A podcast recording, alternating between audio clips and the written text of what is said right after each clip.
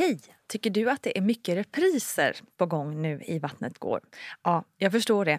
Det beror helt enkelt på att jag, Nina Campioni, just nu har en pop-up second hand i Modgallerian i Stockholm. Så min tid räcker helt enkelt inte tid att göra så många avsnitt som jag hade önskat. Men tills jag är tillbaka på full tid, kom gärna och hälsa på mig i Modgallerian. Vi ses! Hej, hej kära du lyssnare och välkommen till ett nytt avsnitt av Barnet Går med mig, Nina Campioni. Vad kul det är att Barnet Går har blivit en favorit hos så många av er.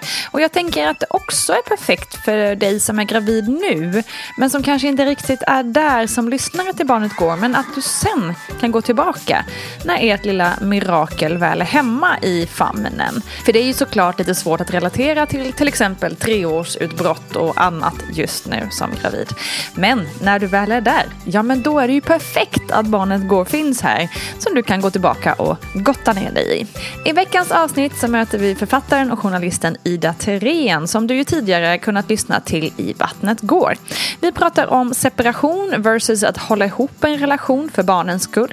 Vi snackar om samsovning och att amma länge inom situationstecken. Ja, vi snackar om många spännande saker helt enkelt. Så vi drar väl igång det hela. Här är Ida Terén. Eh, du och din kille separerade ju när er dotter var, hur gammal var hon? Två och ett halvt. Två och ett halvt. Mm. Hur var det? Det var dags, om man säger. Mm. Det hade nog behövt ske egentligen tidigare. Mm. Men samtidigt så var det också den perfekta tiden för att min dotter är väldigt högkänslig. Och då var det rätt, hon hade inte varit redo att vara ifrån mig mer än någon enstaka natt sådär. Mm. Och det var kanske inte så mycket i början heller, det var kanske bara någon natt sådär. Men hon hade inte varit ifrån mig alls nästan innan dess. Hon var väldigt känslig och väldigt nära mig. Mm. Men man märkte ju att efter vi separerade, hon började äta bättre, mm. hon började sova bättre. Mm. Så hon hade plockat upp mycket stress som jag kanske hade låtsats om att det inte fanns. Just det. Så hon, hon internaliserade mycket stress. Och det tror jag många barn gör. Mm. Så man, man håller ihop för barnen, men egentligen är det inte så. Egentligen är det tvärtom. Ja, precis. Det där är ju intressant, för så eh, känner man nog också som förälder, att man bara vill inte splittra familjen och liksom. Nej. Men, eh, så det är barnen som får internalisera ja, ens problem, om man inte vågar dela med dem själv. Ja. Så var det jättemycket för mig. Mm. Så hon mådde mycket bättre efteråt. Och nu är hon ju sju år gammal, så nu är hon så van vid att vi är separata. Så. Mm. Hur, liksom, hur funkade det rent praktiskt? Körde ni hälften hälften? Eller hur, liksom? eh, vi har väl kört ganska mycket hälften så, men vi har inte kört alltid en varannan vecka. Utan i, när hon var så liten också i början, då var första tiden var det mer så här, få ihop det. Stockholms bostadsmarknad och så mm. Eh, vi var ju unga och hade ingen särskilt bra ekonomi och sådär. Mm. Så vi hade liksom inga möjligheter att köpa ny lägenhet eller så. Ehm, jag hade en lägenhet som jag har lyckats köpa av ett underverk, men den var inte så dyr och jag lyckades, hade, hade sparat lite under lång tid och sådär. Det var precis att jag fick ett lån. Så det var precis att jag redan hade en lägenhet. Mm. Och sen då ska vi hitta en till, det var ju liksom, det visste vi hur ska det gå till. Så att när han eh, flyttade ut då så fick vi väl göra lite så i början att vi turades om att bo i lägenheten så hon kunde ha kvar sin lägenhet. Mm. Och så någon enstaka natt bara och sådär. Mm. Men efterhand, det är rätt stor skillnad från, från två och ett halvt till tre. Det, blir, det är mycket som händer med barnet. Så vi försökte anpassa, jag tycker ändå vi har gjort ett bra jobb att anpassa oss efter hennes behov. Jag tycker ändå vi har varit bra på det faktiskt mm. under omständigheterna. Att vi har hängt med i hennes vi är rätt flexibla, flexibla båda två mm. och varit öppna för att se vad hon behöver. Mm. Eh, men hon har varit ganska mycket hälften hälften kan man säga. Mm. För nu eh, har ni också bott och bor utomlands eh, båda två. Ja, men, och det är också någonting som ni har eh, följt varandra i på ett rätt, liksom, ja. i alla fall eh, från min sida, fint sätt. Ja. Tänker man att ni liksom lyckas eh, göra det. Det är ju inte jättelätt när man har separerat och man har två, liksom, två olika liv och man ändå lyckas liksom både flytta utomlands och kanske lite jaga sina drömmar, personliga mm. drömmar. Tillsammans fast ändå inte tillsammans. Nej, det så det är rätt mäktigt. Det är faktiskt ganska coolt. Jag tror mm. det är mm. ganska ovanligt att vi... Men som jag sa i förra avsnittet så, avsnittet så var vi ju båda ganska unga när vi fick... Mm. Vi var båda, båda två bara 27-28 när vi fick henne. Mm. Så vi var fortfarande så här ganska tidig fas i vår karriär måste jag säga. Mm. Och vi hade bott i New York. Um, vi flyttade till New York när min dotter var ett och ett halvt ungefär. Eller precis fyllt ett var hon. Mm. Ett till, så bodde vi att hon var kanske två. Mm. Eh, sen kom vi tillbaka till Sverige och då separerade vi. Mm. Det var då det, som, det funkade så. Mm. Och sen efter det så ville jag åka tillbaka till New York och jag fick något stipendium att jag skulle åka och studera några månader, någon kurs och sådär. Och då frågade jag honom, jag bara, nu har jag fått de här pengarna, jag måste, antingen så åker jag eller så kan jag inte åka. Mm. Jag kan ju inte åka själv utan henne så. Så frågade jag honom om han ville följa med och då sa han att ja, jag längtar också tillbaka till New York, vi gör det. Flyttade vi tillbaka dit, då var hon, då hade hon hunnit fylla, ja hon skulle precis fyllt, fyllt fyra tror jag. Så vi, hon har egentligen bara bott i Sverige från 0 till 1. Mm, mm. Eller bodde också, också i Barcelona en period så att hon har bott i Barcelona så då, som bebis. det var också en sån här grej, från 6 till 12 månader bodde hon i Barcelona.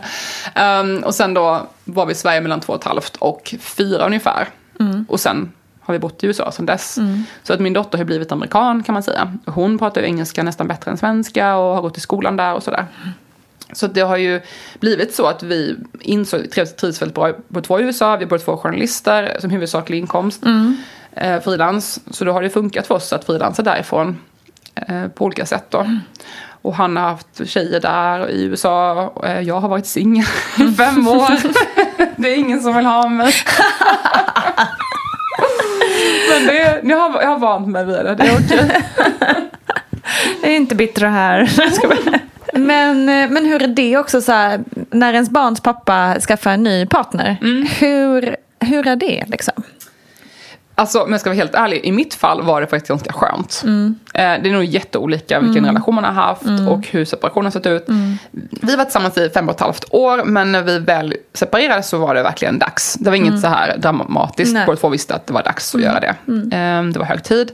Och vi var, i alla fall på min sida var jag klar med relationen. Det fanns ingenting kvar av att, det var snarare tvärtom att det var lite, lite av en lättnad för att nu har vi äntligen släppt det som inte funkade. Mm. Snarare att det var något sånt här jobbigt, man är fortfarande kär i mm, varandra eller så. Och då är det annorlunda såklart. Mm. Men för mig var det mer lite så här, ja, nu pratar jag lite generellt om, men jag tror det finns en tendens hos många kvinnor att man blir lite mamma för sin man. Mm. jag hoppas det här inte, nu pratar vi bara generellt. Inga personliga erfarenheter. Men när det kommer in, en annan kvinna, plötsligt är det någon annan som kan ta den rollen mm. lite grann. Mm. Mm. Ja, nu pratar jag bara generellt. uh, så om vi säger hypotetiskt då, så kan det vara rätt skönt ibland mm. när någon annan kommer mm. in. Så att jag har egentligen inte haft några problem med det alls, snarare tvärtom att jag tycker det är nästan lättare mm. på många sätt.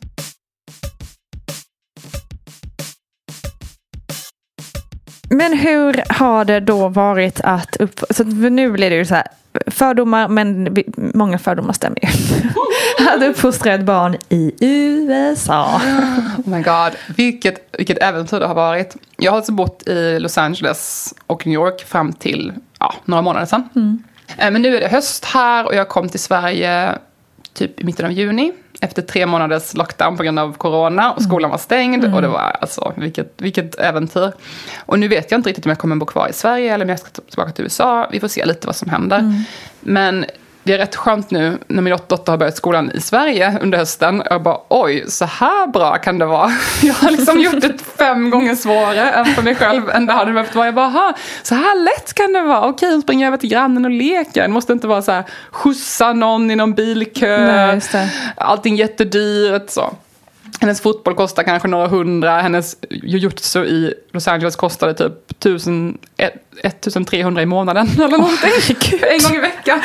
Jesus. Oh, så att allting är så här, man bara, vad lätt allting var mm. plötsligt. Mm -hmm. uh, jag gillar ju att göra det svårt för mig själv så det är lite min Utmana mig själv. Nej men eh, amerikansk barnuppfostran är ju väldigt annorlunda än svensk. Och jag tror inte man förstår det för att svenskar kollar ju mycket på amerikanska tv-program mm, och sånt. Mm. Och vi tänker så här, vi är lite som dem. Mm. Svenska och amerikaner ser väl lite liknande ut generellt i vår befolkning. Mm. Oavsett vad man har för hudfärg så kanske det representeras både här och där. Förstår du? Att man, man känner igen sig. Mm. Och tänker att det är lite likt mm. så i Sverige. Men det är det inte. Och den största skillnaden skulle jag säga, mer övergripande sidan, är att i USA, det här är min egen analys då, som jag har utvecklat efter fem år i USA. Alltså, i USA utgår allting från att människan ska tuktas. Mm. Människan, kaoset ska ordnas. Mm. Typ naturen ska stävjas. Lite så här. Mm. Lite så här patriarkatet. Mm. Man, man ska, kvinnan är naturen och vild och man ska trycka ner och organisera henne så att hon blir inte vild längre. Mm. Så är lite amerikanska synsättet på barn. För barn är ju den ultimata representanten för kaoset, mm, eller det vilda. Mm, mm, man kommer in i världen och så ska man liksom på något sätt organiseras eller så och passa in. Och då måste det ju tuktas. Det är ju, det är ju lagligt att misshandla barn, alltså slå barn är lagligt. Och det som stör mig då mest är att det är så extremt, inte bara accepterat, utan uppmuntrat att man ska ha olika sömnmetoder. Mm. Det är liksom standard. Mm. Ditt barn ska sova själv från typ några veckor eller månader gammal. Och gör du inte det är du en konstig och dålig förälder. Då är det jättealternativ. I Sverige är det nästan tvärtom. Att här har det blivit ganska normalt att man låter barn sova mer, som mm. de gör. Men också i Sverige har man också andra förutsättningar. I USA börjar man jobba, föräldrarna börjar jobba, barnet kanske är sex veckor gammalt. Kvinnorna har inget val Nej. som föder barn. Eller de som föder barn har inget val, för plötsligt ska de liksom börja jobba. Då, då orkar man inte vara uppe hela natten. Nej, såklart. Så det är ju kapitalismen någonstans, mm. alltså det kommer ju från det. Mm. Um, och då, vad gör man då? Då måste, måste barnen skrika sig till sömns för att hur ska jag annars klara det här? I Sverige har vi ju mycket, har vi optimala förutsättningar, kanske bäst i världen skulle jag säga. Med vår extremt långa föräldraledighet mm. som är väldigt unik. Det är typ av Sverige, Norge, Island. Ingen annan har ju det här mm. som vi har. Så att där, här finns ju förutsättningar att vara mer lyhörd för barnet. Mm. Men det bygger också på en grundinställning i samhället i Sverige. Att vi tror på det goda i människor. Man behöver inte slå någon och straffa någon som ska uppföra sig. Vi litar på att vi kan prata med barnet. Mm. Eller man, skolan utgår mer från barnet. Alltså mm. hur barnet mm. har det, mm. mår du. Inte bara så här, nu ska det stå i led och uh, gör du inte som du säger så blir du bestraffad. Min dotters skola i Los Angeles. Time out om man inte lyder, får inte leka på rasten. Mm. Alltså det är helt normalt där. Men, och allting annat är liksom alternativt och konstigt. Och man går på en privat, konstig privatskola som mm. kostar massa pengar. Men i Sverige är det ju normalt att man, så här, ah, man är lite, för, lite ute och leker med barnen på förskolan. Och, alltså det som vi tar för givet i Sverige är väldigt ovanligt i Sverige, mm. USA. Och det tycker jag man märker också på hur folk... Det är så himla det är som fängelseaktigt. Allting ska organiseras och styras och fixas till. Och sen när bara folk väl kommer ut i världen efter, efter college och blir mm. helt galna, ska dricka alkohol mm, och slå loss. Alltså, då blir de, de är ganska omogna. Mm. Jag var också utbytesstudent i USA när jag var 16, ett år. Och jag märkte hur stor skillnad det var i min mognad och deras. Man kanske inte kunde formulera det själv då, men i efterhand. Alltså jag var ju van att ta hand om mig själv. Mm. Och de är ju så beskyddade och kontrollerade på något mm. sätt. Så man får inte, det är, Sverige är mycket mer så här, frihet under ansvar, vi litar på att människor är goda och vill väl, så vi låter dem vara lite mer fria. Mm. I USA litar man inte på människor. Mm. Då ska man straffas, fängelse och dödsstraff och tio års fängelse för det här och hårdare tag. Och mm. Det finns ingen tilltro till att människor faktiskt är goda och vill väl. Mm. Vilket jag tycker ändå att det här svenska liksom, grundinställningen handlar om. Mm. Att vi litar på barn vill, ja, vad är det han säger, Bo, eh, Bo Heskov, vet han? Föräldrafilosof och författare. Mm, mm. Han, har en bok som heter barn, eller han säger att barn eh, gör rätt om de kan. Eller barn, just det. Just det barn mm. gör rätt om de mm. kan. Typ så. Och ja, jag har studerat också med Jesper Juhl, jag har gått hans utbildning. Och det handlar mycket om det här grundtron att barn vill ju väl. Vi vill ju mm. alla samarbeta och ha det bra. Mm. Men i USA tror man inte riktigt det. Man förväntar sig inte det. det är liksom och det är också grund... så intressant mm. att de är ju livrädda för den svenska modellen, socialismen. Att liksom, att de tror ju typ att vi, de tycker inte att vi är fria. För att vi har de här systemen med, med liksom vårdsystemen och så. Så det är, så, det är ju roligt vilken insikt man också har i det hela. Ja, för jag, jag känner mig ju trygg. Land of the free liksom. Ja, men precis. Det finns kanske bara ett sätt att ha sjukvård i Sverige, eller nu har det ju ändrat, börjat ändra på sig, men mm. då li, litar jag på att det kommer vara bra. Mm. Medan där, man är lite rädd. Mm. Amerikanska mm. inställningen bygger på rädsla, och det är det patriarkatet bygger på, mm. är ju rädsla. Ja. Man ska kontrollera allting, och mm. naturen ska kontrolleras, ja, släpper vi det här fritt, om man bara föder fritt, då kommer det gå skogen. Man ska ha en läkare och en gynstol, och man ska ha det här, och allting ska kontrolleras. Um, så det är ju liksom, USA är ju ultimata symbolen för det här patriarkala kapitalistiska systemet som vi har. Mm. Men Sverige är ju lite mera tilltro till människan. Även om vi ofta är hårda mot oss själva, tycker Sverige Sverige är så här mm. och så här. Men mm. Sverige är väldigt bra på det mm. sättet generellt. Och vårt föräldrasystem är ju helt fantastiskt. Alltså, sju, alltså ja, förskolan och föräldraledighet. Jag tycker vi ska vara ännu mer uppskattade mot det. För det är så ofta man hamnar i konversationer kring det här och folk är så kritiska mot allt möjligt. Fattar ni hur bra vi har det? Skydda det här. Mm. Skydda det vi har. För det är något väldigt unikt och verkligen fantastiskt. Mm. Och framförallt för barnets skull. Mm. Det är så mycket fokus alltid på så här mamman, hur mycket ska man vara föräldraledig, hur mycket pappan, pappan hit och dit och föräldrarnas roller. Men kan vi prata om barnen? Varför är vi föräldralediga? Jo, det är för barnens skull. För att barnen ska få trygghet till sin lugn och ro och förälder i, i början av sitt liv. Mm. Det handlar inte om att föräldrarna ska förverkliga sig själva eller bli jämställda. Det får de sköta. Mm. Vi är ju faktiskt här för barnets skull. Mm. Bra påminnelse. Ja, Jag tycker också vi, vi glömmer bort det där. Och vi pratar inte om förskolan. Är det bra för barn eller inte? Det ska handla om att ja, men det finns mycket intressen här. Man ska tjäna pengar, man ska ut i arbetslivet och jobba. Vad behöver barnet egentligen? Mm. Bra poäng.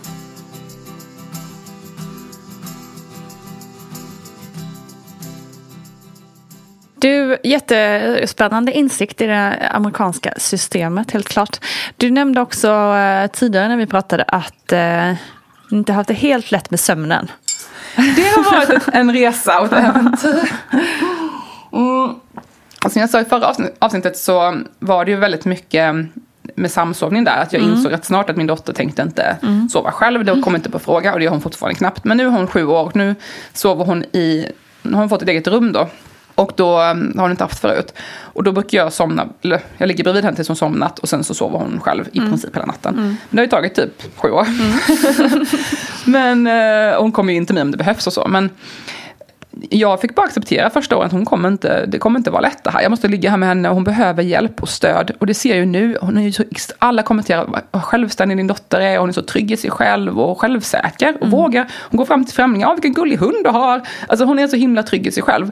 Men då har ju, priset har ju varit att jag har lagt jättemycket tid på att vara jättenärvarande för henne. Mm. Hon började förskolan när hon var två och ett halvt. Um, och sen har hon typ inte gått på förskolan för sen flyttade vi till USA. Och så. Mm, hon har knappt gått, hon har varit ganska mycket med, med, oss och jag har alltid hämtat henne tidigt och sådär. Och det har varit ett högt pris för mig. Jag menar min eh, ekonomi och karriär har ju såklart påverkats av det mm. och även hennes pappas. Mm. Uh, men det jag ser nu är att hon är ju typ världens tryggaste barn. Så det är väldigt skönt att se avkastningen där på mm. Ja, exakt. man, man glömmer ju ofta bort det för man tänker, ja men nu är ett, man, man, så mycket som ska göras när barnen är så himla små. Ja, nu ska man få sin karriär om fast med två, tre år. Det kommer bli bättre sen. Mm. Eh, nu kan jag göra vad jag vill nästan. Mm. Nu kan jag väl få henne massa och göra saker för att hon är så himla trygg och i sig mm. själv. Mm. Och det här med förskola där är också intressant. Liksom, att det är någonting som vi också blivit intyktade att, att man ska börja med när de är ett, ett och ett halvt. Eller vad ja. det kan vara. Att de behöver sina andra kompisar och uh, barn och så vidare. Mm. Men då får man fråga sig, är det, kan tre vuxna tillfredsställa behoven av 15 barn? Mm som ettåringar som inte kan prata själva. Mm. Det, är ju, alltså det är ju jobbiga frågor att prata om för vi vill inte, vill inte ta i det. För det är mycket skam och skuld inblandat. Visst. Men man måste ju ändå våga prata om det. Mm. Och, och, jag tror att det är väldigt många, jag skrev en artikel om det här för några år sedan som jag ofta hamnar man i det här till kvinnofälla och sådär var hemma. Men kan vi inte prata om arbetet som är fällan? Inte själva arbetsnormen, vi ska jobba hela tiden. inte det problemet? Och är det så att då mamman får mindre pension eller så för att hon är hemma mer. Ja men då kanske mannen kan ge lite pengar i hennes pensions, bara spara hennes pensionsfond. Exakt. Det går väl att lösa i så fall. Om nu, man, man, nu är två stycken. Är man ensam och har jättedålig ekonomi, då fattar jag det, mm, det suger. Mm, men mm. många par har ju råd. De har råd att köpa nya kök, de har råd att köpa resor till Thailand. Men de har inte råd att vara hemma två månader med sina barn när de är ett och ett halvt. Mm. Det fattar ju inte jag. Nej, det är en väldigt intressant ekvation. Jag har ingen fint kök. Jag har ett rätt fult kök. Men jag har varit hemma mycket med min dotter. Ja. Och så kanske, ja. Så jag tror, ibland måste man våga ifrågasätta lite grann sina prioriteringar. Och har, man råd, alltså, har jag råd eller tar jag, tar jag mig inte råd? Mm. Det är ju frågan. Mm. Men min dotter då angående sömnen, hon har sovit alltid väldigt dåligt. Det var först vid två, två, två, två, två, och ett halvt, då började det bli bättre med sömnen. Så mm. att om man har ett sånt högkänsligt barn som jag har, häng, håll i, håll i, håll i mm. hatten, mm. kämpa på och det blir bättre. Mm. Det tyckte jag verkligen blir bättre vid två, två och ett halvt. Och sen har det stegvis, stegvis blivit bättre också efterhand då. Mm. Det har alltid varit svårt med sömnen, svårt att somna och sådär. Men jag tänker att bara är sån hon är. Jag hade också svårt att somna när jag var liten. Mm. För att jag också tänkte mycket och funderade kring saker och ting och tar in mycket intryck och känslor. Och, och det är också så jag försörjer mig idag. Mm. Jag, jag, har, jag tänker mycket och jag tar mycket känslor. Det, det är mitt jobb som författare och liksom intuitiv och så. Så att man får acceptera att barn är ju olika. Exakt. Och det finns ju mycket den här one size fits all. Att ja, men så här ska man göra och så kanske det inte funkar. Barnet vill inte vara på förskolan vid ett och. Då mm. kanske man måste lyssna på det. Mm. Eller vissa barn kanske mår jättebra och tycker det är helt lugnt. Man måste ju våga lyssna på sitt eget barn och kanske gå emot normen lite ibland. Mm. ibland. Gå, gå, emot normen ibland. Um, men jag har ju då också angående amningen. Um, jag fattade ju inte hur länge man skulle amma. Jag trodde man skulle amma några månader eller någonting. Jag visste ingenting om amning. Um, och sen fort, min dotter vill ju amma hela tiden och vill mm. inte äta mat. Mm. Så jag bara, okej okay, jag ammar lite till. Mm. Fortsatte och jag började säga, men vad är det för fel? Varför vill hon inte äta? Och var väl något år då. Jag bara, vad händer? Och då började jag läsa på lite grann och hittade till någon grupp om långtidsamning och så. Började mm. lära mig mer mm. och började fatta att, jaha, jag är ju inte ensam om det här. Jag visste ingenting om detta. Så då fortsatte jag amma och då var hon kanske 13 månader och folk började kommentera. Och då skrev jag en artikel i Aftonbladet om det. Att varför man ska amma längre då, eller varför, hur man kan göra det om man vill. Och det finns ju massa forskning som visar att eh, det minskar cancerrisken om man ammar minst två år. Och WHO rekommenderar amning minst två år. Och det gäller även för eh, Sverige, inte bara för utvecklingsländer. Så att vi tror ju att man ska amma kanske sex månader mm, någonting. Mm. Men egentligen så säger WHO amma i två år. Mm. Sen får man ju göra som man vill såklart. Och jag tycker att den som, man ska ju inte amma om man inte vill, det är ju inte det. Men vi som vill amma längre måste ju känna oss stärkta och accepterade Verkligen. och inte ifrågasatta i det. Verkligen. Uh, och det är det jag tycker är problemet. Jag är mm. inte här för att säga att alla ska amma hela tiden, utan amma hela tiden Nina.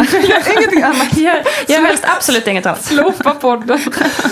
Nej men om man vill alltså. Och, och min dotter älskar ju amma så mycket. Och, och det, amning är ju mer än bara mat. Det är ju mm. närhet. Mm. Och hon är väldigt känslig så hon behöver den här tryggheten och kunna tanka den här närheten. Mm. Och man får den här lilla kicken av eh, oxytocin och man känner sig mm. lugn. Mm. Och jag tycker att amningen har gjort mig till en bättre förälder också. För att mm. jag blir lugn och känner mig, man, man kanske blir arg eller irriterad så connectar man, får den här stunden och connecta.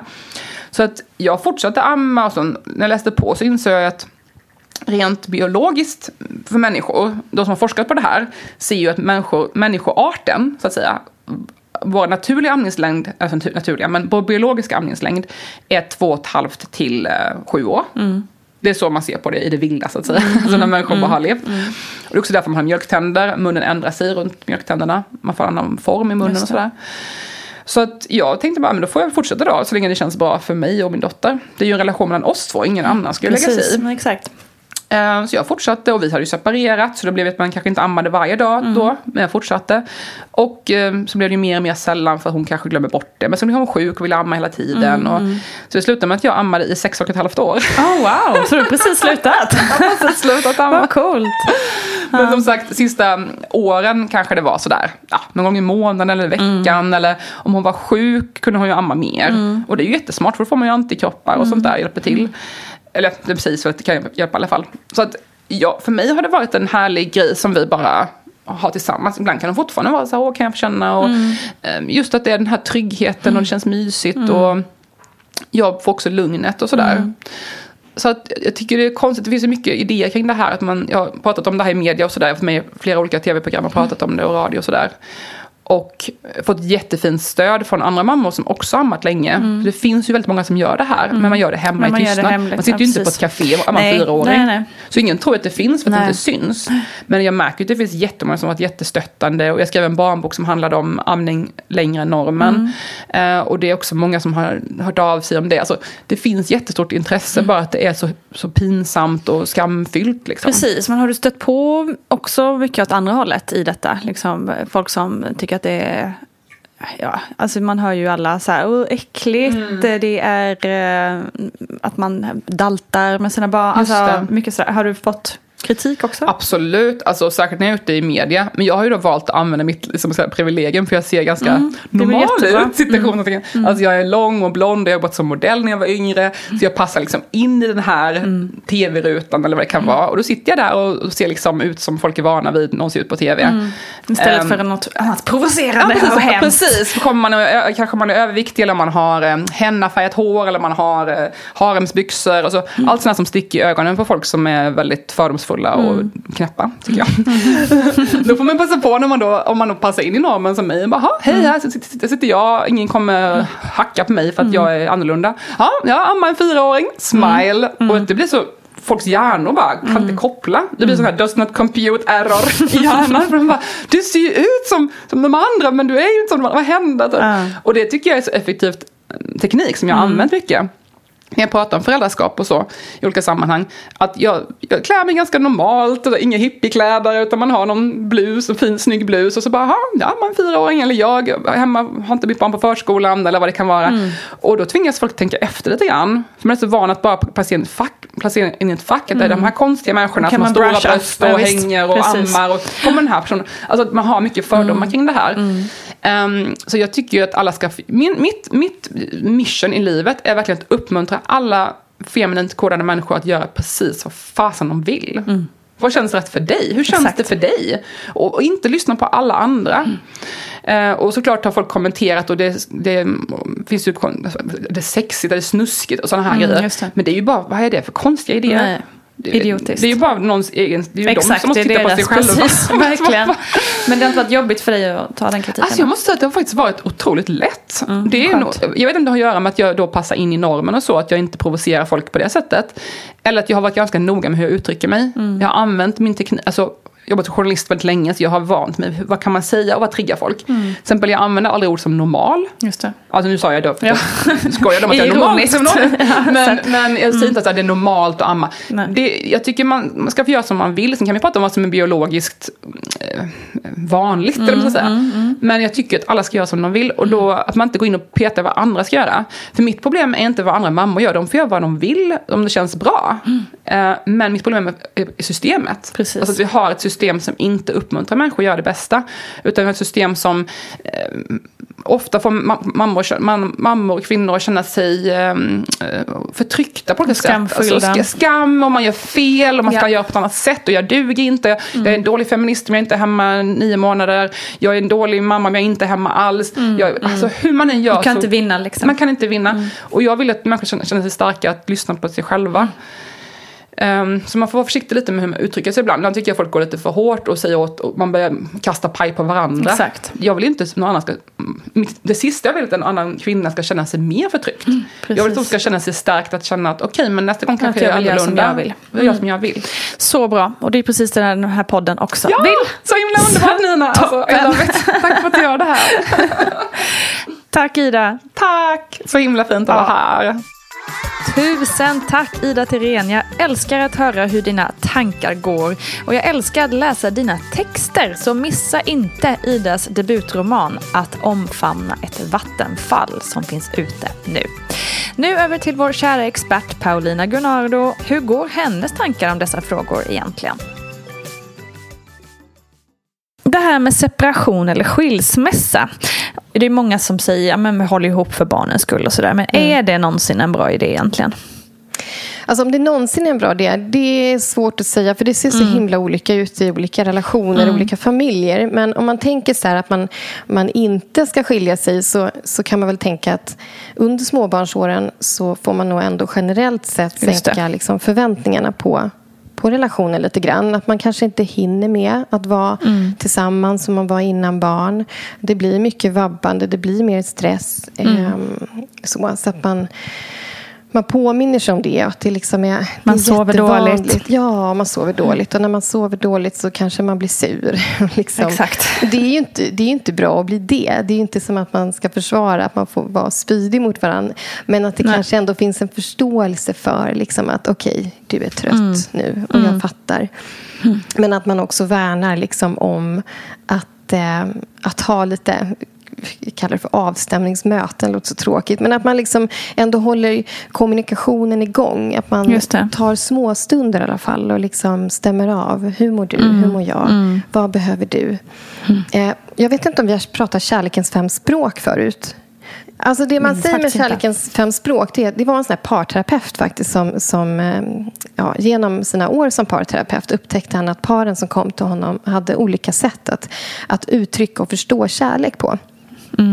Eh, och det är en sån bra grej när man liksom lever i, under de här småbarnsåren och kanske ändå vill försöka hålla ihop och ta hand om varandra och ta hand om relationen. Att man påminner sig om att för dig kanske den här närheten och intimiteten är jätteviktig men den är inte lika viktig för mig. Utan för mig är det viktigt att du säger till mig att du älskar mig.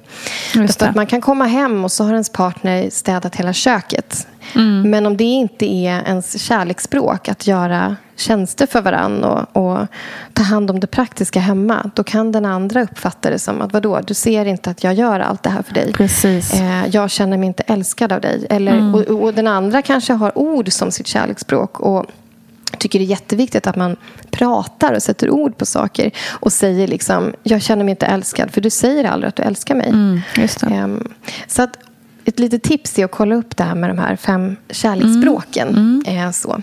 Men eh, man ska ju inte hålla ihop till varje pris. Liksom Nej. heller. Nej. För är, det, är relationen inget bra, mår man inte bra i relationen, är det mycket bråk, då är det heller inte bra för barnen. Nej. Och även om man försöker hålla ihop så märker barn sånt. Alltså de märker om man är sams eller inte sams. De Mm. märker om föräldrar älskar varandra eller inte älskar varandra.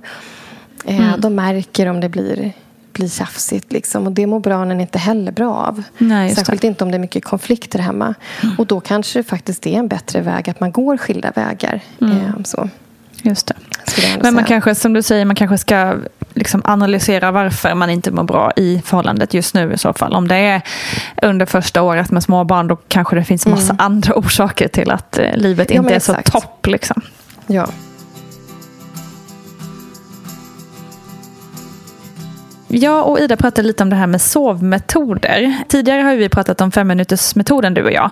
Eh, men vad, du kan ju uppdatera oss lite vad du tycker om olika sovmetoder. Ja, alltså det viktigaste i föräldraskapet det är att vara flexibel med det barn man får. Mm. Ehm, eh, det är lätt att man liksom man tittar på olika metoder och sen så kanske inte det passar just ett, ens eget barn. Just. Eh, alla, om man tänker de här allra minsta små barnen, eh, alla behöver ju mycket närhet. Eh, mm. De föds totalt hjälplösa, totalt beroende av dig. Och Det kan bli liksom en chock att så här, nu ska jag sova i egen säng i ett eget mm. rum.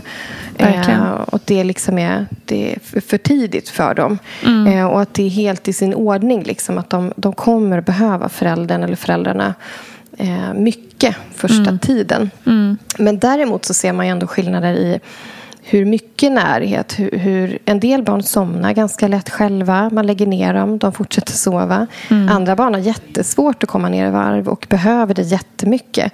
Och vaknar också mycket mer på nätterna. Så man har sett till exempel att vissa barn de är mycket känsligare i de här äh, övergångarna mellan olika sömnfaser. Mm. Så de vaknar till lättare då. Och då så, så, att, så det jag skulle vilja säga liksom är, det finns ju en massa olika slags eh, sovmetoder. Och där mm. tänker jag att det viktigaste är att man läser av sitt eget barn och ens eget barns behov och möter det där. Just det. Och vissa kan liksom behöva sova typ på dig eller precis bredvid dig. Behöva vyssjas mycket medan andra gånger så kan det räcka med att man man finns nära barnet och mm. med sin röst liksom lugnar eller lägger en hand på. Mm. Um, och apropå den här femminutersmetoden. Alltså, jag är väldigt kritisk till den. När man mm. talar om femminutersmetoden och att ett barn då får skrika och gråta. Just det. Alltså när vi ser det på det sättet. Skrik och gråt om man mm. håller ut länge. Mm. Det är jag väldigt kritisk till. Därför att vi har ju pratat tidigare avsnitt om liksom hjärnan och att eh, barnets hjärna har liksom inte hunnit mogna på så Nej. sätt att det kan reglera sina egna känslor och bli trygg i sig själv.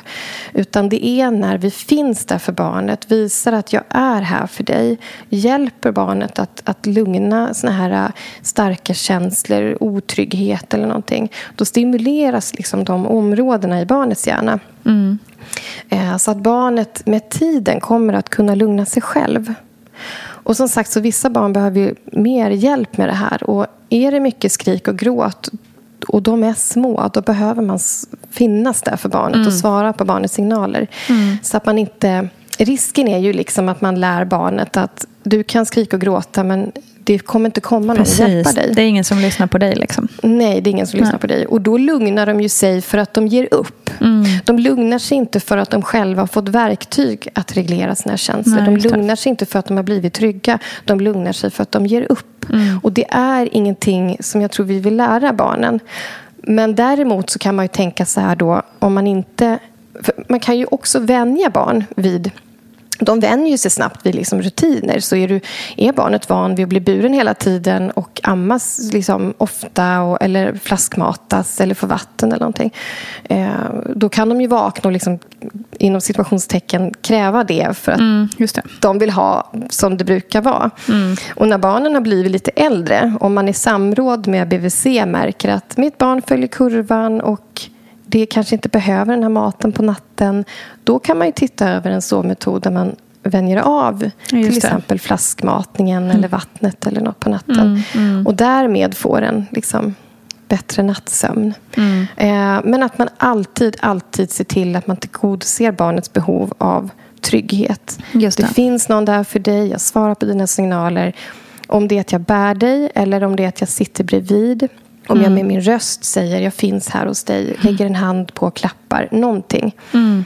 Det är liksom det viktigaste. Och sen att man anpassar sig till sitt barn. barn. Ja. Ja. Tydligt tycker jag.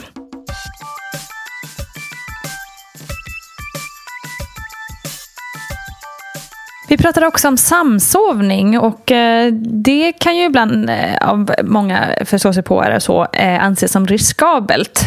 Varför säger man att det är riskabelt? Och sen följdfrågan då, är det verkligen riskabelt om man liksom följer några enkla grundregler kring det där? Mm. Alltså jag vill inte säga emot det. Det är väl Socialstyrelsen som har här rekommendationer. Så att, Precis. Eh, följ dem, kan man väl ändå säga för säkerhets skull. Så räddar jag mitt eget skinn här. eh, men, men det här är ju omdiskuterat. Och mm. Det finns studier som visar en massa olika. Och Jag mm. tror att de, man tar det säkra före det osäkra. Mm, och det, det, man brukar säga är ju till exempel rök inte eh, i närheten av barnet och i sovrummet. Eh, var inte alkoholpåverkad när du somnar med ett barn. Om du har barnet på dig eller i sängen eller i soffan eller någonting. Så det man också anser är riskabelt det är ju till exempel om barnet sover i en säng så att det mm. kan komma ett tjockt täcke på barnet. Och då är barnet för litet för att vifta bort det. Plus att, ehm, eh, att de kan inte reglera temperatur så bra när de är som minst. Just det.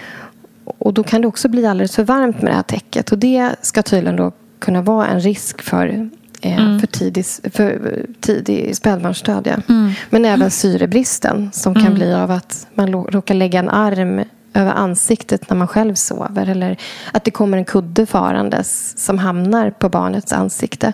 Just så det, det, finns sådana saker som ökar risken för, mm. för spädbarnsdöd. Och därför vill man vara på säkra sidan och ja, låta barnet sova själv. Ja. Men däremot så kan man titta på mera en säker samsovning. Mm. Och då ska man dels tänka på att det inte finns någon fallrisk. Eh, mm. Som typ att man somnar med barnet på sig i soffan eller så. Eller att mm. barnet rullar, rullar av sängen. Liksom. Ehm, man kan också tänka på att man inte har en massa tjocka täcken och kuddar utan att barnet hellre har en tunn pyjamas mm. och gärna en sån här nätfilt. Mm. Ehm, för har man en sån här liten tunn nätfilt och den kommer över ansiktet då kan barnet ändå få luft. Liksom. Just det. Och sen inga husdjur i sängen är också en sån där Mm. Eh, bra grej. Vi har ju mm. både katt och hund här och igår så traskade katten upp på min ena dotter. Hon är ju stor liksom, så hon vaknar ja. och puttar ner honom.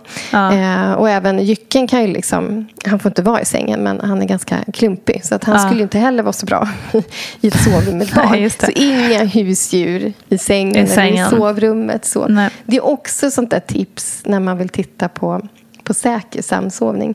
Och sen det finns ju babynest man kan använda också. Precis. Eh, och lägga liksom barnet ovanför sin egen kudde. Ja men så exakt. Att täcket liksom inte... Babynest är ju en superbra, eh, ett superbra tips som mm. man kan ha mellan sig i sängen. Liksom. Mm. Sen kan man också, eh, det finns ju såna här bra spjälsängar där man kan dra ner ena sidan. Mm. Och har man då spjälsängen mot sin egen säng eh, så kan man ju ändå vara väldigt, väldigt nära barnet. Men den sover ändå i sin egen säng. Exakt. Um, och så Just kan det. man lätt ta ner en sån här sida om man till exempel ammar. Så.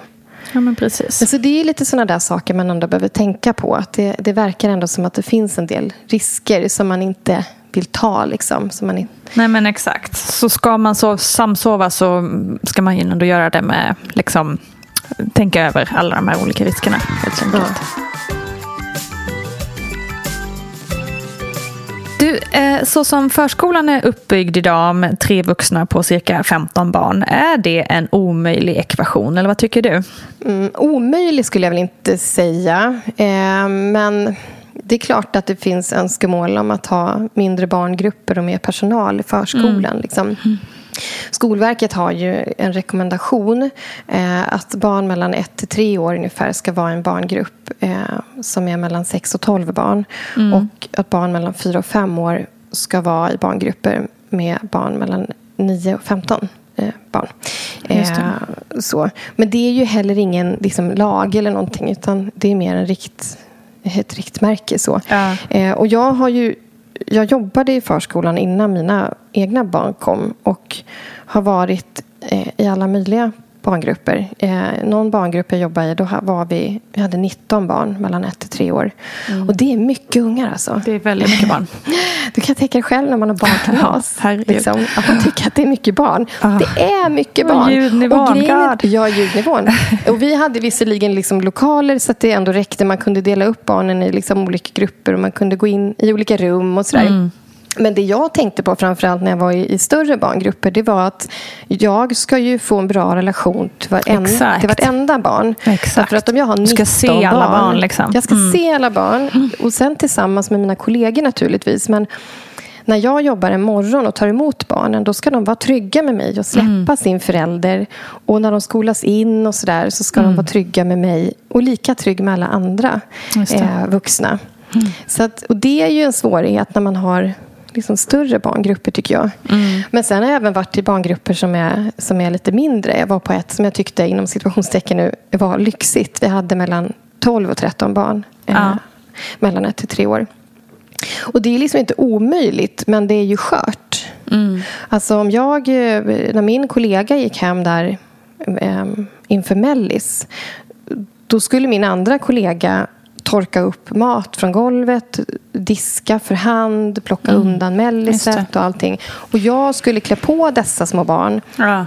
Låta dem sitta på rad i hallen, gå ut med dem. Vi hade en gård som var ganska stor. De kommer runt hela gården och jag ska mm. vara ute själv med dem. Oh, Gud. Alltså, det är ganska utmanande ja, eh, att försöka. Liksom, vart är alla barn? Hur mår alla barn? Mm. Är det någon mm. som har ramlat? Är det någon som mm. har bajsat? Eh, jag önskade många gånger att det hade vuxit ut liksom, ögon i nacken och att jag mm. hade fått så här, fler armar för att man vill mm. kunna liksom, trösta fler. Om det är fler som ramlar samtidigt. Liksom.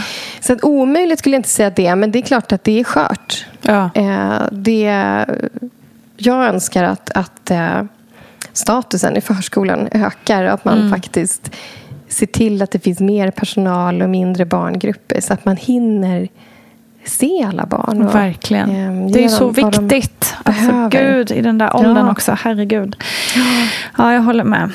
Mm. Det borde verkligen öka status på det. Eh, en helt annan sak, det här med att amma länge. Eh, ja, länge inom situationstecken eftersom det är upp till var och en vad man anser vara länge. Men varför har det fått en sån negativ klang hos många tror du? Ja, men det är väl för att i den här kulturen i Sverige så, så ammar vi ju inte inom situationstecken då, länge. Eh, det mm. gör man ju i många andra kulturer.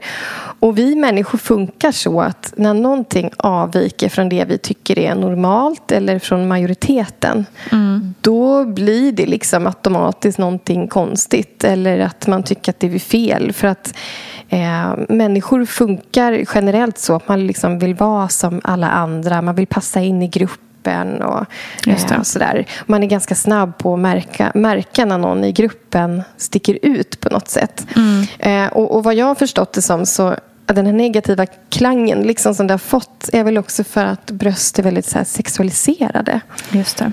Med amningen är det ju mat. Mm. Eh, men att det blir liksom sexualiserat eh, på något märkligt sätt kan jag tycka. Eh, ja, verkligen. För det är fortfarande barn som får närhet och trygghet och, och näring. Ja, det är väldigt liksom. konstigt. Ja, men precis. Ja. Eh, men det är väl just det där. Att det, att det avviker från majoriteten. Mm. Mm. Och, men det känns ändå som att det kan ha, liksom, för att jag menar, förr i tiden var det väl också vanligare i Sverige att man ammade länge. Uh, alltså jag tänker, nu kanske man går ända långt tillbaka till så här bondesamhället, men vi har ju ändå mm. haft en sån kultur uh, där det inte var något konstigt alls. Och, Nej, så, liksom, och nu har det blivit helt tvärt emot. Liksom. Så vi, vi är väldigt bra på att bara glömma vårt, vårt arv ganska ofta känner jag. Um. Ja, och precis. Och det där återkommer också liksom i andra sammanhang. Just det här att man generellt sett är ganska bra på att se när någon sticker ut på något sätt. Mm. Liksom. Eh, och då tycker man att den personen är udda eller har udda mm, vanor. Eller liksom, Exakt. Eh, istället för att se liksom, mångfalden och att man faktiskt tycker olika och vill göra på olika sätt. Ja, men precis. Exakt. Och det var det, ungefär samma som vi var inne på i avsnittet med Johanna Kajson där vi pratade högkänslighet. Mm. Att man hela tiden mm. utgår från sig, själv och sitt eget liv. Um, vi måste bli bättre på att tänka att det finns olika typer av människor i världen. Ja, faktiskt. Eller hur? Och det är ju någonting att skicka med också. Eh, inte bara vad gäller amning utan liksom till våra egna barn. Eh, mm, när vi ser verkligen. olikheter. Att så här, men var nyfiken istället. Fråga och liksom var öppen för att människor är olika. Exakt. Och känner du att du avviker någon gång för att du har lust att se ut på ett visst sätt eller Mm. klä dig annorlunda eller du har en annan åsikt. Eh, Det handlar ju liksom om ens personliga och kroppsliga integritet. Eh, att stärka den hos barnen så att eh, den här generationen kanske växer upp lite mera vad säger man, öppensinnade. Ja, exakt. Det vore ju fantastiskt. ja, vi får hoppas på det. Mm. Tack, tack Paulina Gunnardo, beteendevetare och expert på barns utveckling. Och vill du veta mer så går du med fördel in på Paulinas sida dittbarnochdu.se. Det var alles för idag och om du har något tema som du önskar att vi ska ta upp här i Barnet Går eller om du har en fråga till Paulina så tveka inte då att slänga iväg ett mejl på vattnetgar.gmail.com. Hörni, vi hörs supersnart igen. Stort tack för idag. Kram på er!